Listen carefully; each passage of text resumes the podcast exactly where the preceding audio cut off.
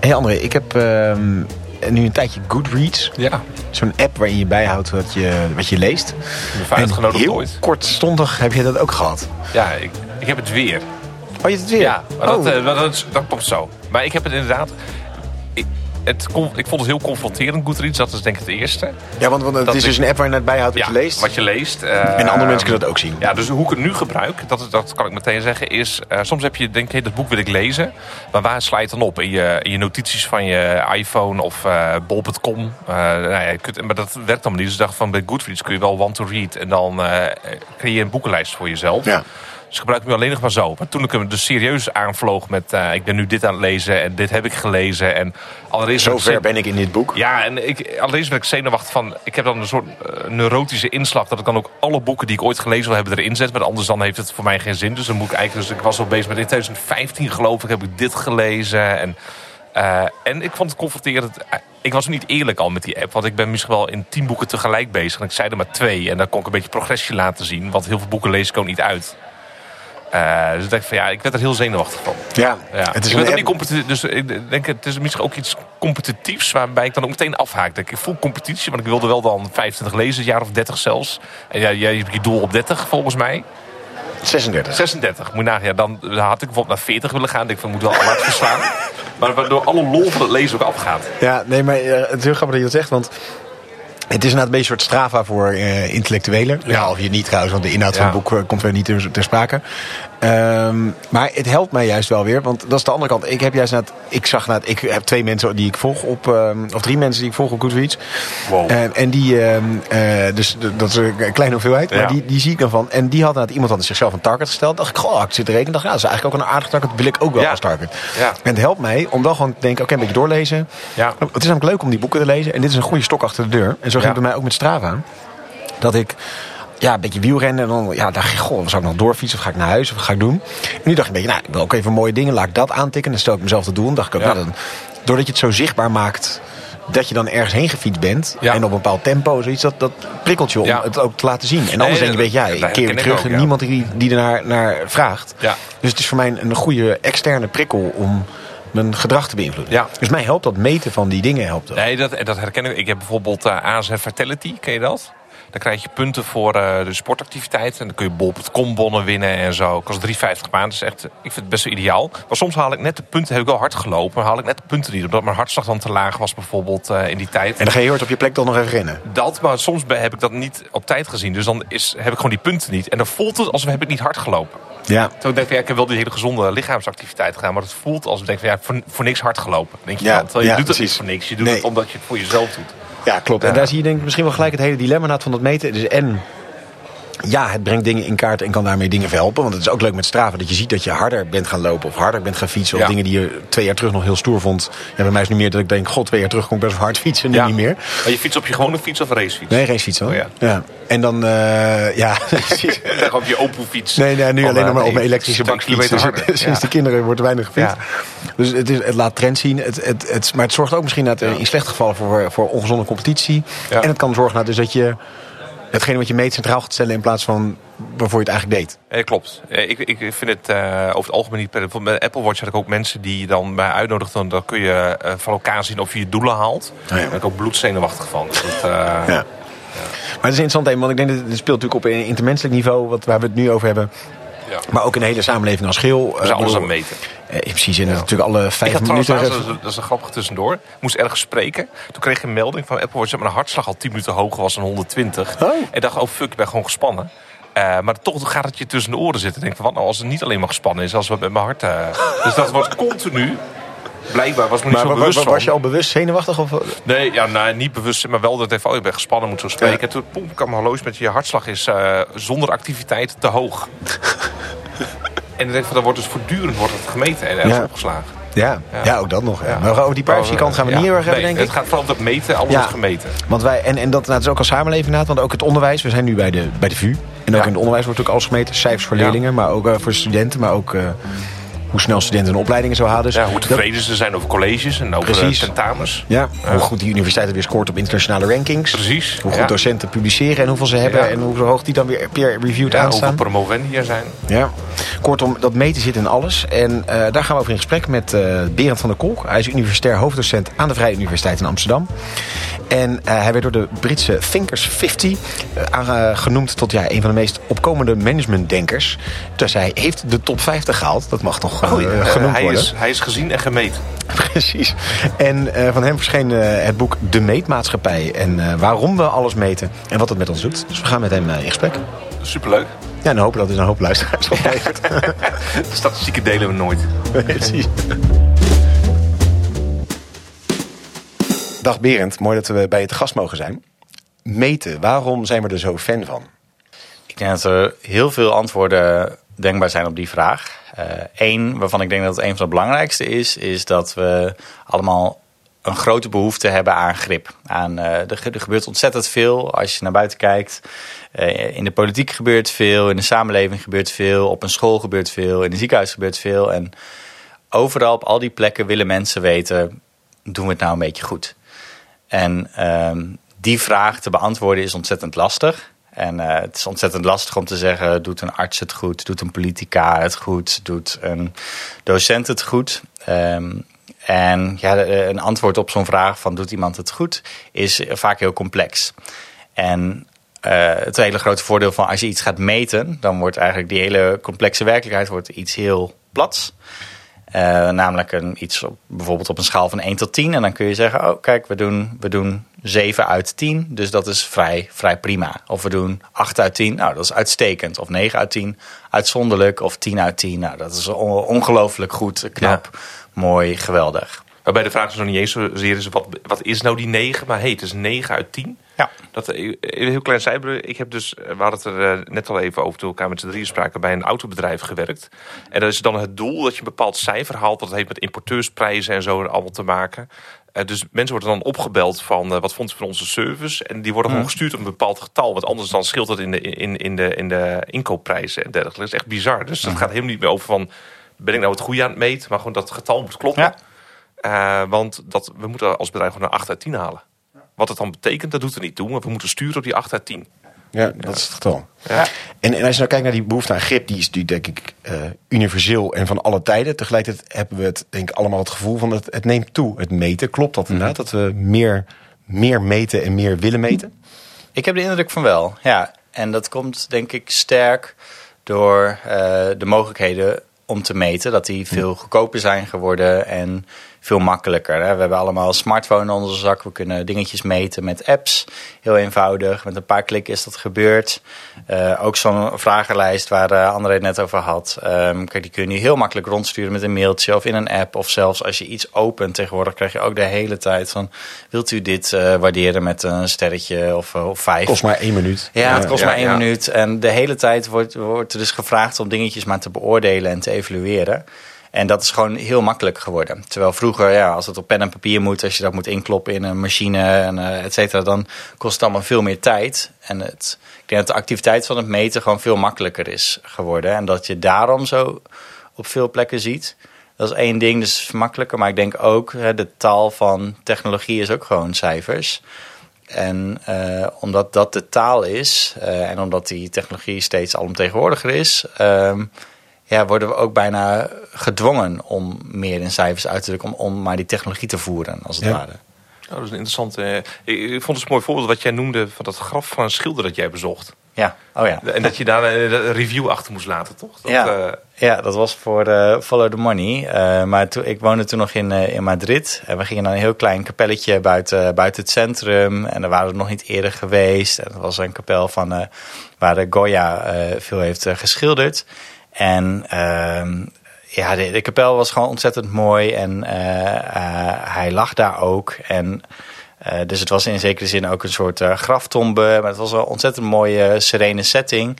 En dan, du- dus je bent nog helemaal in zo'n, in zo'n sfeer. En dan loop je naar buiten en dan ligt daar een formuliertje waarop je moet aangeven of jouw ervaring zeven was uit, op een schaal van tien of zo. Ja, dat je denkt, ja, wat, ja, waar, waar, waar, zijn we hier in de vrede mee bezig? Zeg maar. Dit is, uh, ja, ik vond het heel onwerkelijk. Het was, ik was toen bezig met het schrijven van het boekje.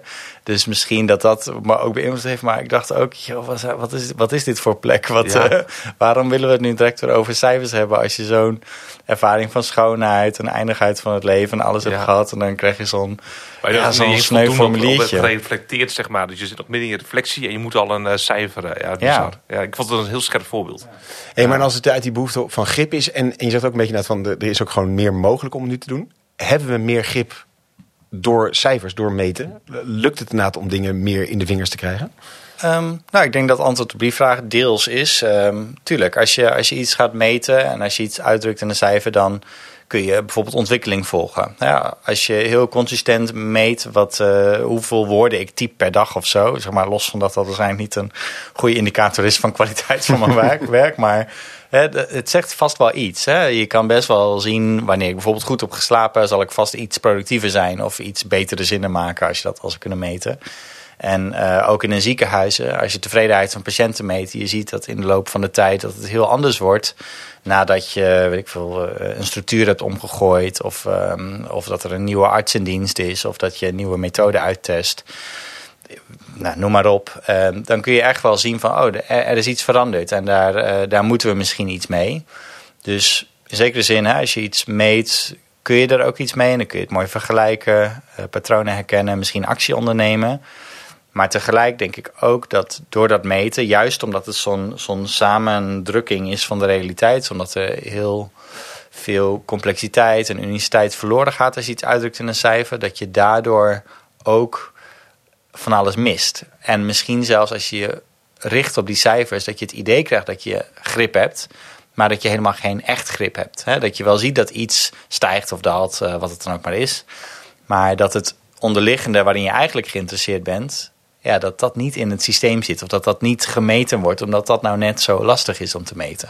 Maar je zegt dat inderdaad aardig, van dat dat lastig is om te meten. Ik, je hebt natuurlijk wat van die voorbeeldjes van... je kunt ook in een half centimeter water gemiddeld uh, verdrinken, zo weet je. Omdat je de verkeerde... uh, uh, dat blijkt dan ergens 10 meter diep te zijn.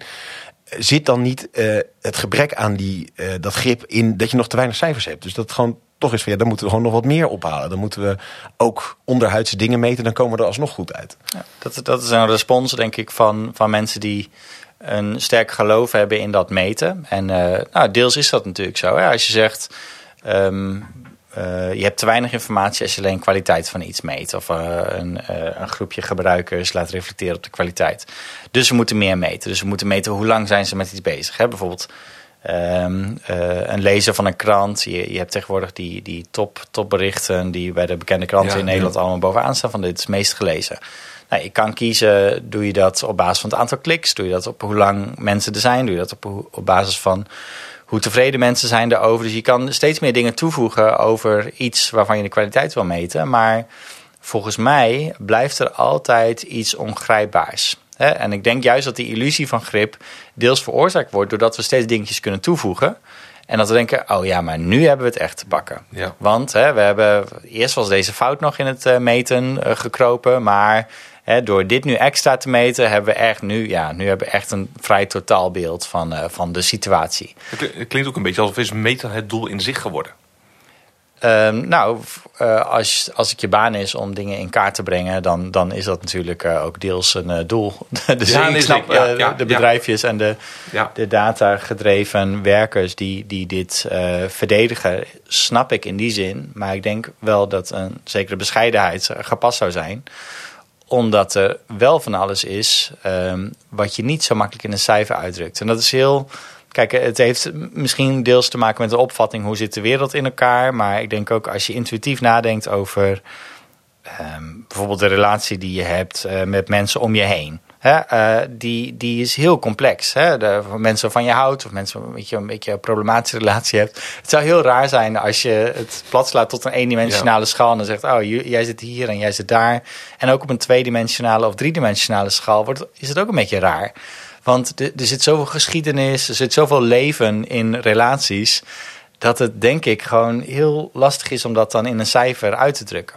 En dan snap ik wel dat, ik, dat een bedrijf als eh, Facebook of zo, of eh, Google, die hebben natuurlijk al ongelooflijk veel datapunten van ons. En die kunnen ons gedrag eh, heel nauwkeurig voors- voorspellen.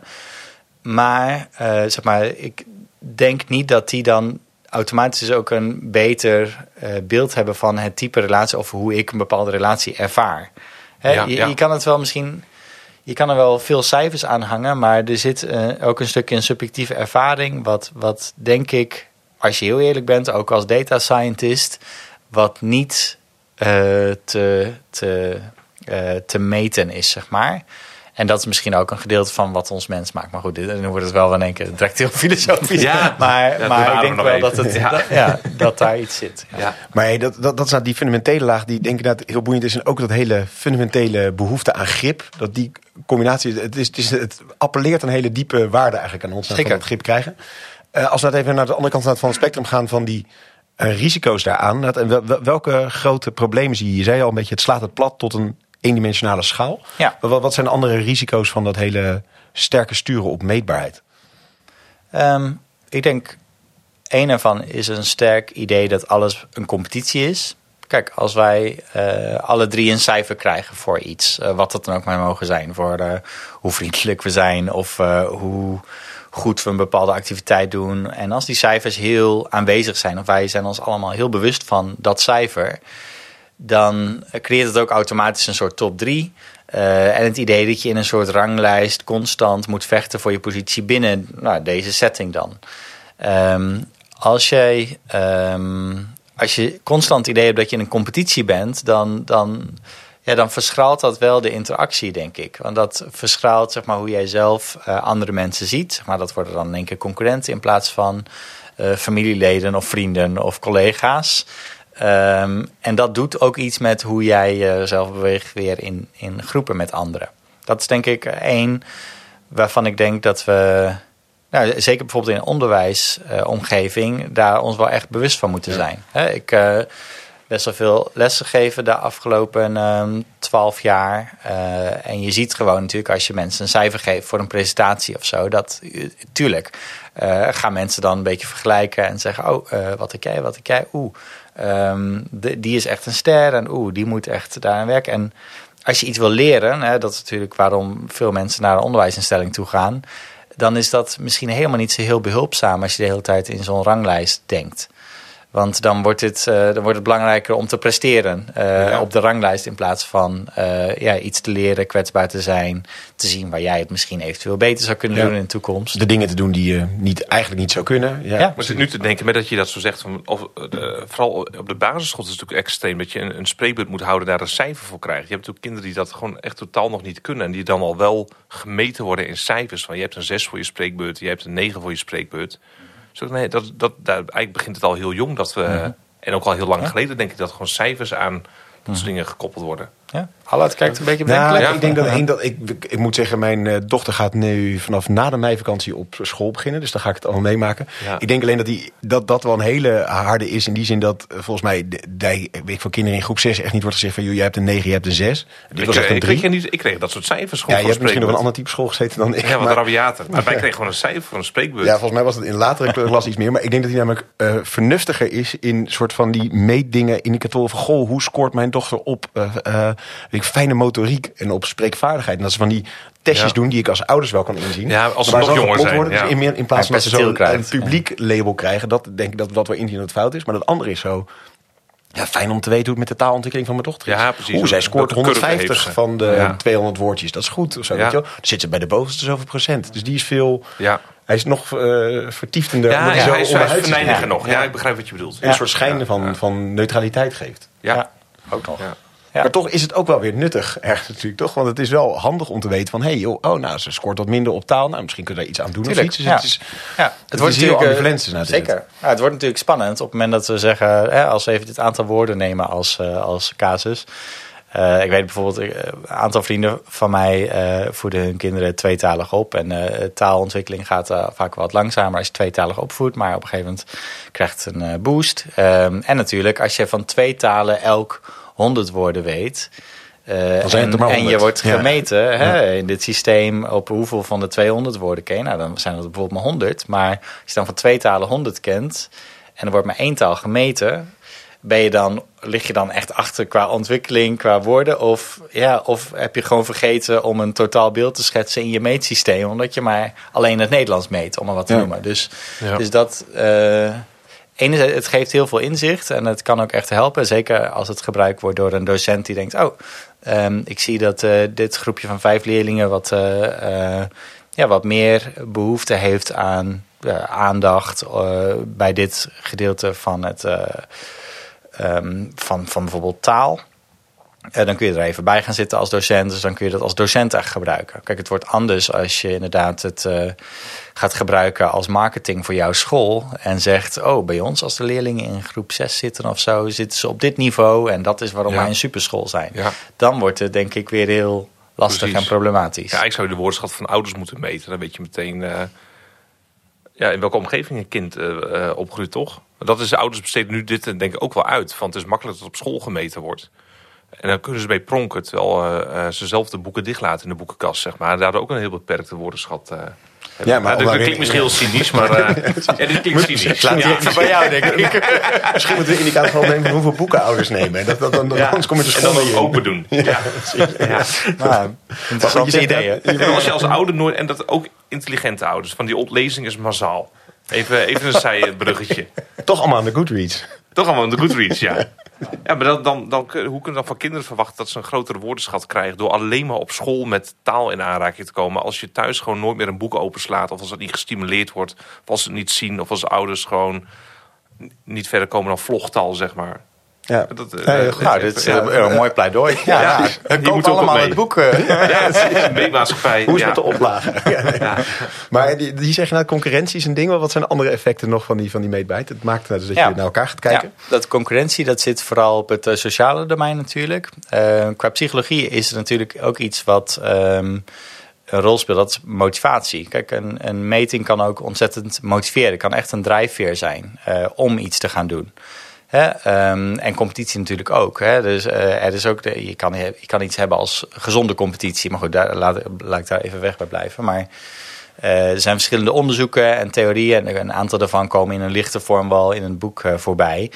Die stellen dat op het moment dat jij een haalbaar doel voor jezelf stelt om iets te bereiken, of dat nu is op je werk of op school of in je privé-omgeving, ehm, dat dat eraan bijdraagt dat jij je een stukje sterker verbonden voelt met dat doel en vervolgens dat doel ook daadwerkelijk gaat halen. Of de waarschijnlijkheid wordt groter of je komt er ook veel dichter bij dat doel.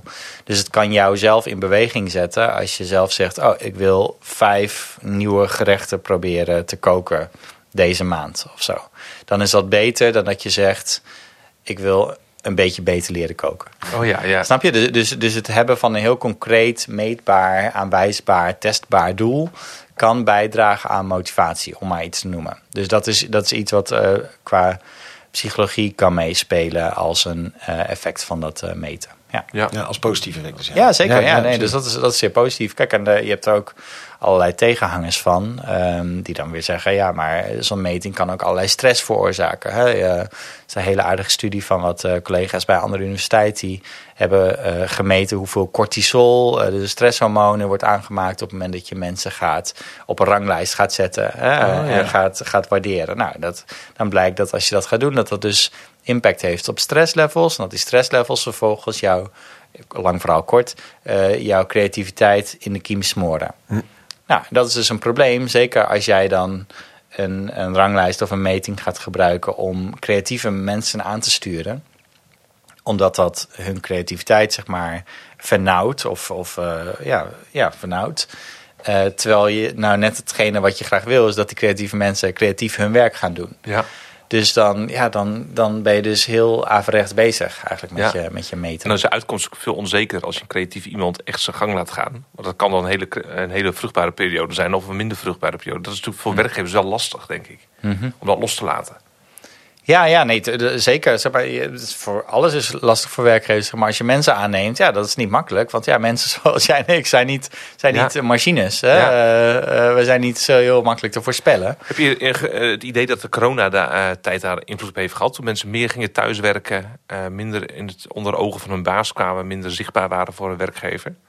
Zeker, ja, dat heeft op allerlei dingen invloed gehad. Ehm, vorige week natuurlijk hebben we op de VU eh, ook een dag georganiseerd over, ehm, over thuiswerken en de impact die dat had op bijvoorbeeld aansturing van leidinggevenden op medewerkers. En ehm, ik heb zelf ook onderzoek gedaan met de Italiaanse collega eh, bij een organisatie in Italië, bij verschillende organisaties in Italië, waar we ook zagen dat ja, sinds die lockdowns en sinds dat thuiswerken, dat inderdaad leidinggevenden het best lastig vonden. Want je, je ziet niet meer wie er in je afdeling eh, werken en wat ze precies aan het doen zijn. Dus dat sommigen eh, instelden dat ze nou, dagelijks eventjes belden om half negen... of wanneer ze maar zagen dat iemand online kwam in het systeem. Ja. Eh, om maar een soort van in de gaten te houden van... nou, wordt er wel daadwerkelijk geleverd. Wat ik ook een aardige vond was Ga, dat... gaaf eh, dat nou wel als motivatie? Je kunt ook zeggen, oh, fijn dat iemand even checkt ja, hoe het met goeie. gaat en Ja. zo, zeg maar. Ja. ja, heel goed punt. Maar Ja, werd het de- zo ervaren ja. of, of deden ze dat ook bewust zo? Ja, leuk dat je dat zegt. Want inderdaad, eh, sommigen gaven aan dat ze deden om te ondersteunen, maar dat vervolgens de, de medewerkers het ervoeren Ja. alsof ze gecontroleerd werden. Van, ja. hallo, ik Zit je wel achter je computer en zie je je klaar ja, terwijl misschien ook wel met de beste intenties en misschien ook niet. Want we hadden ook wel een leidinggever die bijvoorbeeld zei... ik doe dat om te checken of ze wel echt hun werk doen. De- Oh, ja. In het Italiaanse. Maar eh, ja, dus, dat is, eh, dus daar, eh, daar, daar zit ook nog een verschil van de, van de intentie en de perceptie van de... respectievelijk de, het leidinggevende en de medewerker. Dus klopt. En ehm, ja, je hebt natuurlijk ook allerlei software. Ik weet dat Microsoft een product heeft gelanceerd, ergens tijdens de pandemie ook. eh, waarmee ze de, een soort één cijfer, een productiviteitsscore gaven aan medewerkers aan de hand van hoe lang ze bijvoorbeeld online waren in Teams, eh, hoeveel chats ze aan deelnamen, hoeveel documenten ze uploaden, hoeveel mails ze verstuurden. En dat combineerden ze tot één cijfer. En dan ook nog eens een keer een soort ranglijst creëren van medewerkers. Nou, die hebben ze snel weer teruggetrokken, want ja, mensen vonden dat een beetje vreemd. Zeiden, ja, waar zijn jullie mee bezig? Dit, is, eh, dit willen we helemaal niet. Maar andere bedrijfjes, bijvoorbeeld het bedrijfje ProdoScore. eh je kan het googlen, The Guardian Ja. heeft een heel aardig artikel over. Eh ProdoScore die zag dat dit gebeurde, zag ook de, de, de weerstand in de maatschappij. Maar die dacht, hé, hey, wacht eens, hier is volgens mij wel behoefte aan. Want ehm, eh, sommigen gebruikten het al wel en vonden het ook aardig, eigenlijk wel goed. Oh, dat ja. allerlei van dat soort, ja, een beetje eenvoudig meetbare taken werden gecombineerd tot een totaalscore voor medewerkers. en dat bedrijf dat, eh, is er nog steeds. En dat geeft dus medewerkers daadwerkelijk één score, de Prodo-score. En dan krijg je te zien van nou, hoeveel, hoeveel mails heb je verstuurd, hoeveel chatgesprekken heb je in deelgenomen. Is dat een toename of afname vergeleken met vorige week? En dus eh, letterlijk staat er dan eh, je ranking among peers. En dat is dan. Oh, ja, eh, ja, ja, ja. en ja, goed. En dat heeft wel een vlucht genomen, denk ik, tijdens dat COVID. Omdat natuurlijk wat, wat of tenminste eh 40% ongeveer van de mensen die dus veel thuiswerkt nu, of die überhaupt thuis werkt, want 60% werkt helemaal niet thuis. Ja, maar ja. ehm, die 40% die heeft wel eh, meer te maken met dit soort digitale systemen. Ja. Ja, interessant. Sowieso waren ze ook allemaal verslingerd aan het dashboard eh, van de Zeker. overheid. Ja. Oh, Toch, ja. als, als publiek. Ja, Ja, ja, we zaten ja, allemaal ja, kijken van hoe maar, maar wel, eh, we waren allemaal wat meer op cijfers Ja. gericht in die tijd. Ja, André zei aan het begin al met zijn eh, ervaring in de autoverkoopbranche. Na, dat je op een gegeven moment gaat sturen op die indicatoren. eh, en die indicatoren doen zichzelf worden. Daar heb je ook een neologisme voor bedacht. Ja, nou, ik heb een tijdje lopen zoeken van wat, is dat nou? Want die, op het moment dat wij ons sterk gaan richten op zo'n indicator en verliezen wat het onderliggende doel is, dan kun je daar allerlei woorden aan geven. In de literatuur heb je allemaal Engelse termen, van cheating tot gaming. Maar in het Nederlands eh, heb ik, had ik nog niet echt een heel helder woord gevonden. En eh, waar ik mee kwam in het boekje is eh, indicatorisme. En dat is dus het woord indicator plus isme. Dus dat geeft al aan van hoe... Een isme. Oei. nu wordt Ja. het linkerboel. Ja. Ehm, dus indicatorisme gaat erover dat je zo sterk bezig bent met een doel behalen, een meetbaar doel, een indicator scoren, ehm, dat je eigenlijk uit het oog verliest wat nou eigenlijk het originele doel was. Dus in het geval van, we hebben het net al gehad over onderwijs.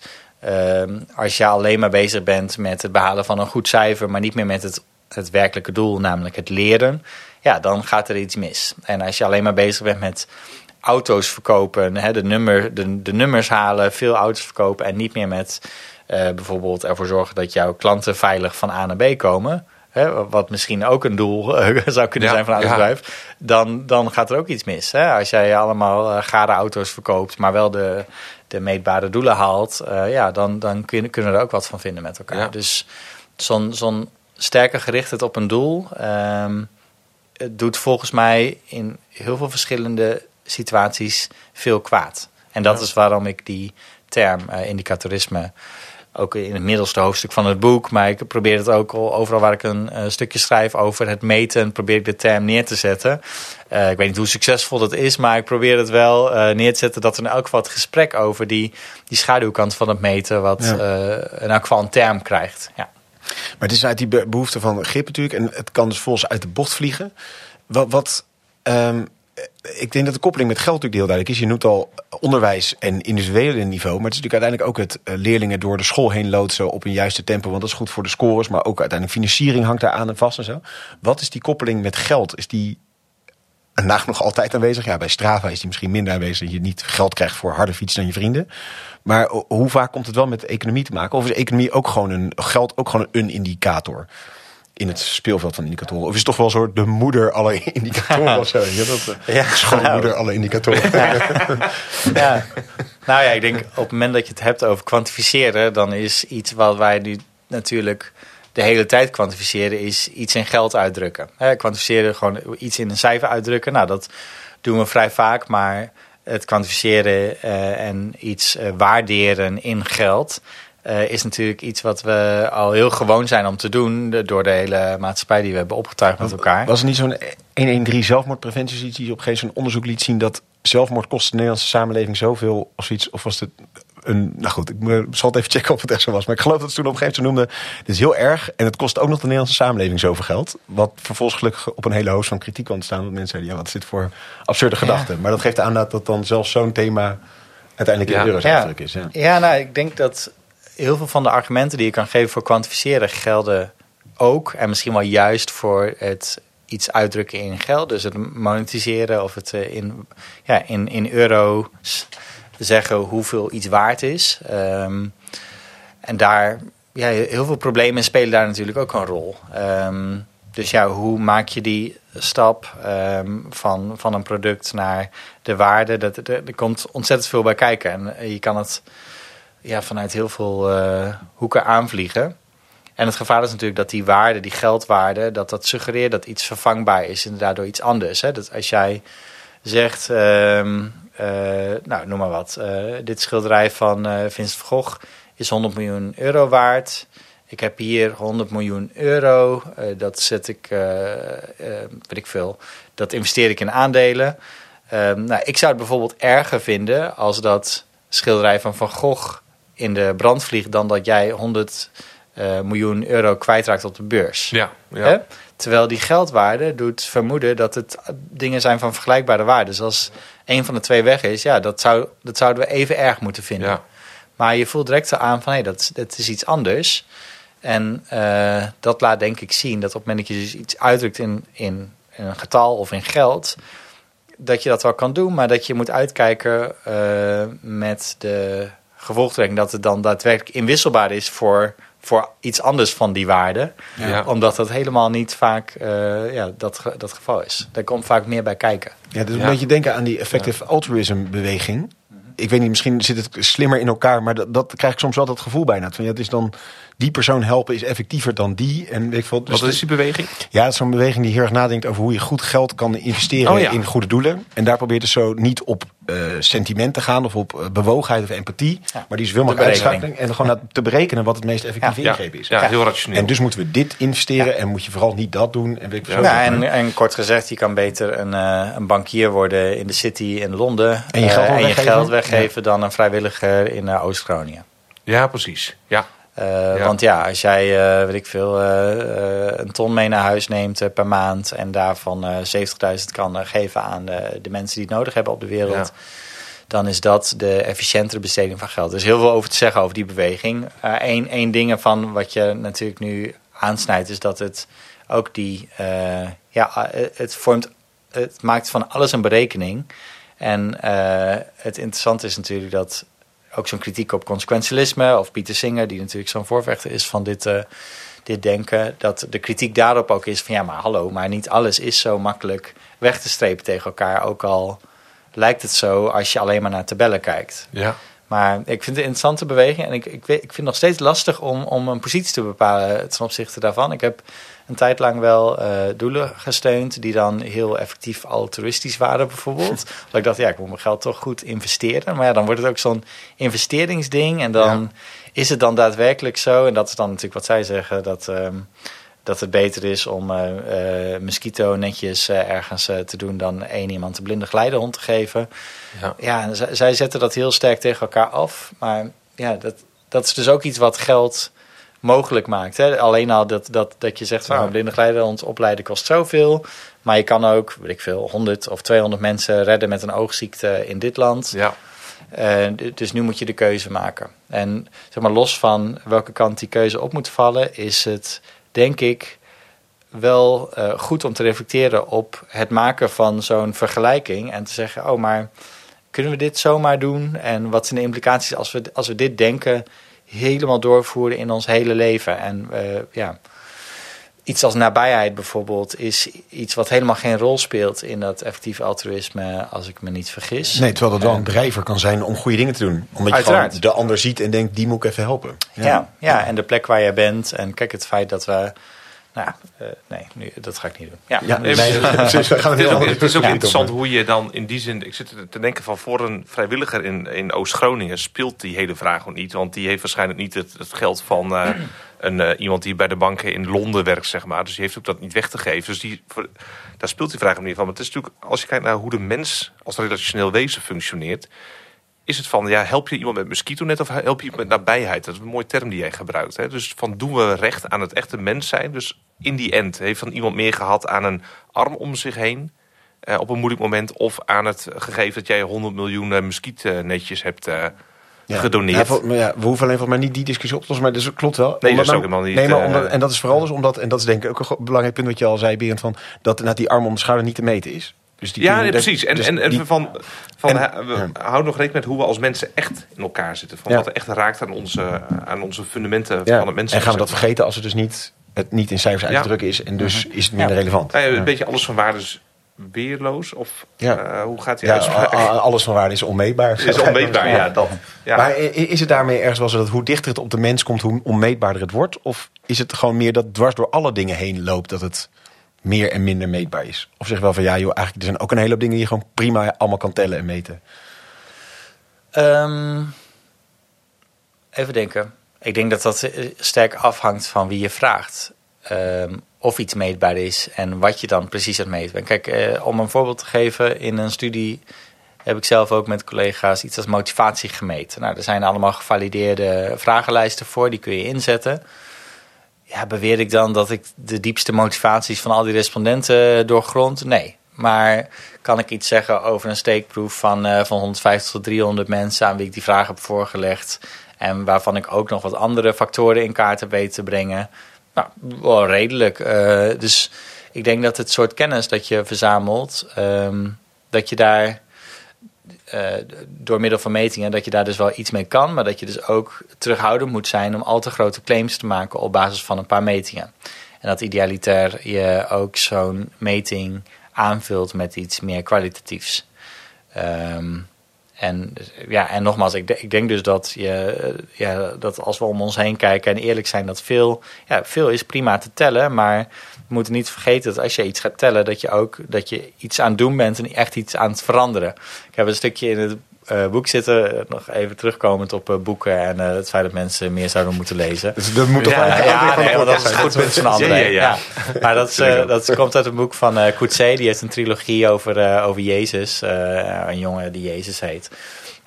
niet, niet de historische Jezus, maar um, er zit een hoofdpersoon in, die, dat is een kindje en die zit op een, uh, op een heel bijzondere school. En die heeft een docent en die probeert hem te leren tellen. En op een bepaald moment heeft hij dan, of, uh, reflecteert die docent en zegt Ja, hallo, maar dit kindje, hij, hij heeft dan twee appels voor zich liggen, maar hij zegt niet: dit zijn twee appels, maar hij zegt: dit is een appel en dit is een appel. En het punt is, als je iets gaat tellen, dan ontdoe je het eigenlijk van uh, de uniciteit van dat ding. Hè, als iemand zou in deze kamer zou binnenlopen en zeggen: Oh, er zitten drie jongens. Nou, prima, dat klopt wel. Of drie mannen, uh, maar net uh, wat voor, wat voor woorden je ja, ja, ja, ja, maar net wat voor beeld mensen van ons hebben. Maar um, dan tel je dus drie mensen op, maar dan schuif je ook alle unieke eigenschappen van ons alle drie allemaal naar de achtergrond. Het feit dat we een andere trui hebben of misschien van binnen heel anders in elkaar zitten dan elkaar, krijgt allemaal geen rol op het moment dat je zo uh, onvergelijkbare mensen bij elkaar optelt. Ja. Dus dat, uh, dat is denk ik wel iets waarvan je bewust moet zijn op het moment dat je dus gaat meten en tellen. Dat het niet alleen maar een neutrale bezigheid is, maar dat je echt iets verandert aan, uh, aan hoe jij de wereld ziet. Want dat je dingen naar de voorgrond haalt, maar tegelijk ook heel veel zaken naar de achtergrond drukt. En dat het een actieve keuze is om iets naar de achtergrond te drukken. Dat, ik weet niet of, of iedereen zich daar constant van bewust is als je uh, van alles bij elkaar optelt. Ja, ik is het steeds een soort begin van een gesprek en een reflectie in plaats van het eindpunt van een. Dus zeg van, uh, dus we, oh, we zien drie jongens, dus dat, daarmee begint het gesprek in plaats van dat daarmee het gesprek voorbij is. Ja. Zo zou je cijfers kunnen zien. Van het, het zet een reflectie in gang, het zet misschien ja, als, nou, kijk, het is heel handig om te weten dat ergens drie jongens zitten. Als je bijvoorbeeld koffie moet halen. En hoeveel zitten, er, hoeveel zitten er daar? Nou, drie. Nou, drinken ze allemaal koffie. Ja, prima. Nou, dan ga ik koffie. Dus in die zin is het heel handig. Maar als je wil weten van, nou, wat zijn hun behoeften of zo? Ja, dan is het misschien, dan is het inderdaad een aardig om te weten. Nou, er zijn drie jongens, maar... Uh, maar wat willen ze? Ja, en wie zijn ze? En uh, ja, dat zijn allemaal verdiepende vragen waar je dan misschien later aan. Uh... Ik vind het wel intrigerend dat je zei van, uh, omdat we ook de technische mogelijkheden hebben, gaan we ook meer meten. Dat is een soort van, omdat je het hebt, kun je het. Uh, geldt niet voor ons de hele samenleving nu, in de hele wereld die we hebben ingericht, dat we, omdat we eenmaal op het pad van het meten zijn gegaan, dat het ook bijna niet meer mogelijk is om niet te meten. Omdat ja. je, desnoods ook kan zeggen, ja, laten we gaan monitoren of we minder zijn gaan meten, zeg maar. En daar dan ook weer een indicator, omdat je dat de hele ja. manier van denken is. Dat we er bijna niet meer ja kunnen we hier ooit nog uit? Omdat het heel gek zou zijn om op een dag weer dan een school te starten zonder cijfers. Ja. zeg maar. Omdat je dan zegt, ja, nou ja, dat is, dat is toch eigenlijk onmogelijk, zeg maar. Of ja. Iets, weet je, dus... Ja, nee, ja, goeie. Ik denk, de, er, zit een hele aardige quote in de film Jurassic Park. Dus ook voor de mensen die niet van boek lezen houden, maar God, films kijken. Ja, kun je ook je woordenschat even verhogen. De, de quote die daarin zit, vind ik heel... In de, in de original Jurassic Park? Ja, ja. Uh, er zit Ian Malcolm, Dr. Ian Malcolm, die zegt van, van the scientists were so busy um, with the question whether they could, they didn't ask the question whether they should. En ik denk dat die, dat, dat idee van ja, uh, het feit dat iets kan, uh, betekent niet dat het automatisch dat je het ook maar moet gaan doen. En dat je ook een stapje terug mag gaan doen, of dat je uh, stop and think, zou Hannah Arendt zeggen, dat je eventjes reflecteert op wat zijn we nu eigenlijk aan het doen met elkaar. Ja.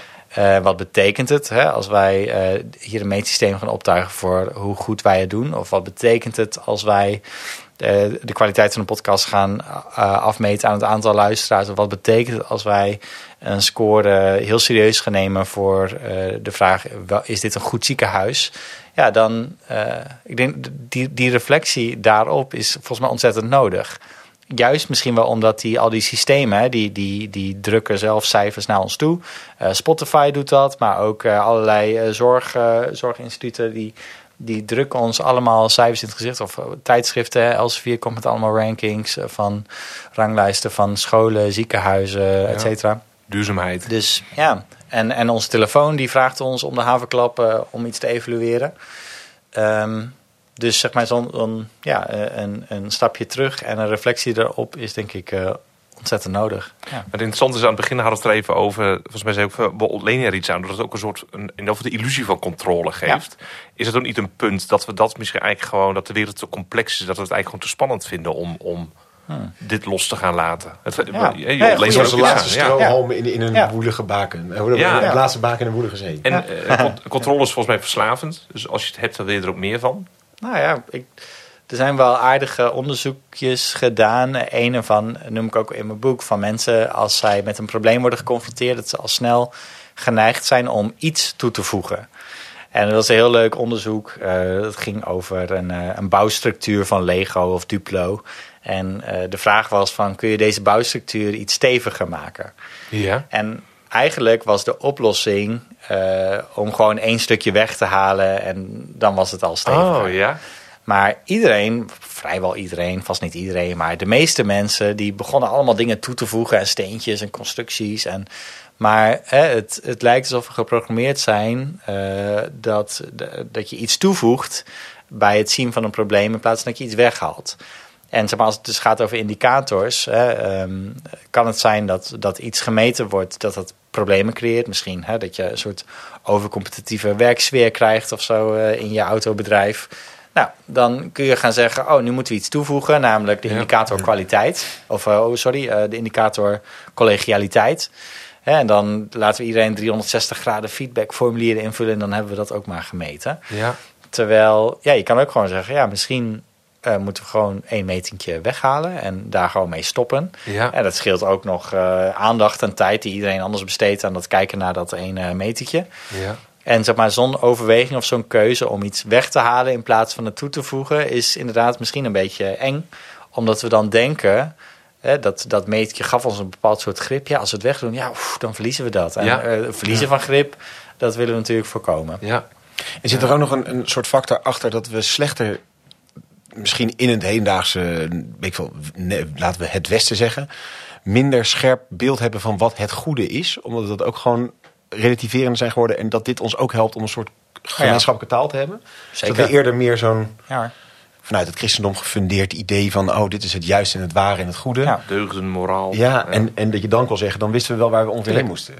Nou ja, zonder. eh, ehm, ja, het is heel gevaarlijk om hier nu hele grote statements te maken. Maar ik denk dat. Laat je eh, toe verleiden. ja, ja oké, nou, daar komt hij hoor. Ja, je hebt al een goede slag van de aan bij deze. Ja, ja, natuurlijk. Nee, Je kunt dit, nu eh, alles dit niet eruit knippen, jongens. Precies. Ehm, eh, Jongens. ik denk, ja, mannen. Ja. Ik denk dat, eh, dat, dat, die, eh, dat heel veel waarden, zeg maar, van waaruit wij opereren, dat zit zeg maar aan het begin van een keten. Dus wie, wie doen dingen. Dan heb je de activiteiten zelf en dan heb je de uitkomsten. Nou, ik denk die waarden zijn heel moeilijk in cijfers uit te drukken. De activiteiten zelf redelijk goed. En de uitkomsten zijn soms nou, redelijk in cijfers uit te drukken. Maar als je dus een meetsysteem optuigt of, eh, of economische ideeën toepast op wat is nu het beste voor de maatschappij, dan kom je dus nooit, bijna nooit, bij die beginkant uit van die waarden. Hè? Welke waarden zijn goed? Ja, weet ik veel. Maar eh, welke ingrepen zijn goed of welke. eh, welke strategietjes zijn handig om, om kiezers binnen te halen? Of welke, wat, welke dingetjes moeten we zeggen om bepaalde resultaten te halen? Ja, dat is allemaal, dat kun je een beetje testen en berekenen. Ehm, de, en ik vermoed dat omdat dat eh, resultaten en activiteiten, dat dat sterk in het kwantificeerbare zit. En het hè, wie, die vraag, dat, dat zit meer denk ik in, het, nou, de, in de persoon, in het onkwantificeerbare. Dat een gedeelte van de aandacht die nu veel mensen hebben voor het einde is van, van, van, van een handeling. Dus de uitkomsten, de, de cijfers. Ehm, Waarom ik dit? Om, omdat die, die focus, uh, die lijkt dus heel neutraal. Ja, als je zegt, we gaan het efficiënt aanpakken. Dan, of we gaan, we gaan iets doen waardoor iets omhoog gaat. Of dat nu de, de winst is, of het aantal kiezers, of, uh, of de kwaliteit van iets. He, dan, dan, dan bouw je een model en dan, dan laat je zien dat dat dus het geval is.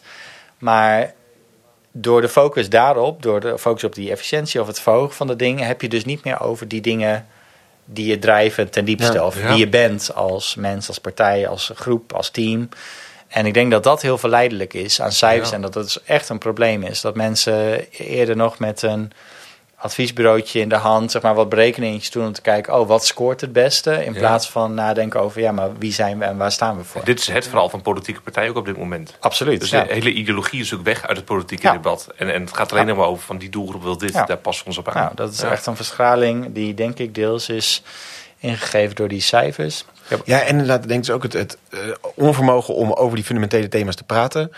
Ik weet ik heb eh, een keer een podcast gemaakt over kansenongelijkheid in het onderwijs. En toen zei één spreker net ook al van...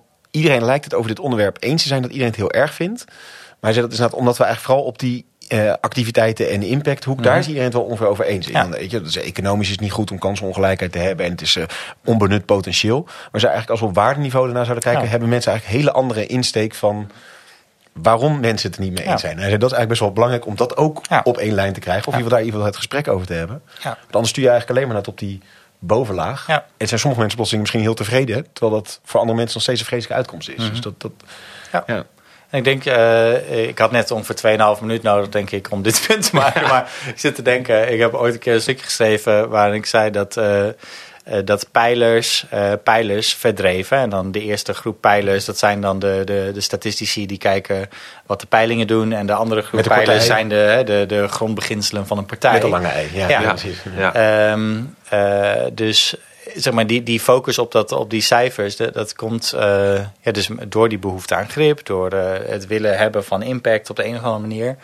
Uh, maar dat gaat dus echt ten koste, denk ik, van, van, van die diepere reflectie op ja, wie zijn we nou eigenlijk en waarom hebben we een partij opgericht met elkaar. Ja, ja. En je zei al een beetje van god, die, die stop- en reflectieachtige uh, uh, oproep. Maar wat zijn andere wegen hieruit? Of hoe, hoe kunnen we hem toch naar ergens die, die diepere behoefte aan grip vormgeven? Ja. Hoe kunnen we toch als samenleving ergens toch een vorm van controle houden binnen bepaalde grenzen? Hoe, hoe kunnen we hier een goede middenweg in vinden? Is daar een gouden. Of hoe leren we de controle wat loslaten? Misschien? Kan ook. Maar, ja. ja. ja. Een van de dingen die kwam natuurlijk al even kort ter sprake, is het maar het idee dat je een cijfer ziet als een beginpunt. Zeg maar, vaak wordt als een rapport wordt gepresenteerd, of als het CBS met cijfers komt, of een onderzoek is gedaan en gepubliceerd, dan um, zijn er wat bevindingen en die worden dan gepresenteerd als, nou, zo zit het. En dat is denk ik een, deels een problematische opvatting van cijfers, omdat wat mij betreft cijfers, zeg maar, omdat we weten dat ze tot stand komen via allerlei subjectieve processen, maar daarna ook nog eens een keer moeten worden geïnterpreteerd, dat je veel beter een cijfer zou kunnen zien als het begin dus van een uh, dialoog. Hè? Dat je zegt, oh joh, um, oké, je hebt een 7 gescoord voor je spreekwoord. Nou, uh, maar uh, wat betekent dat voor jou? Of wat, wat, wat, wat vond je goed? Of vertel maar eens, waarom ja. is het wat jou betreft een 7? Hè, ja. Dat is een beetje die uitdaging. Ik had het vorige week ook met iemand over. Maar het is eigenlijk hetzelfde als je door een museum loopt en zegt... oh, ik vind het schilderij heel goed of zo. Nou, dat, dat is niet zo moeilijk. Of ik vind dit mooi. Hè, dat ja. kun je heel makkelijk zeggen. Maar probeer eens uit te leggen waarom uh, is het dan ja. mooi. En soms het gesprek kun je ook over cijfers hebben. Van, oh, hier komt iets uit. We hebben wat statistiek gedaan. We hebben allemaal heel netjes gedaan. Uh, dit komt eruit. Nou, mooi.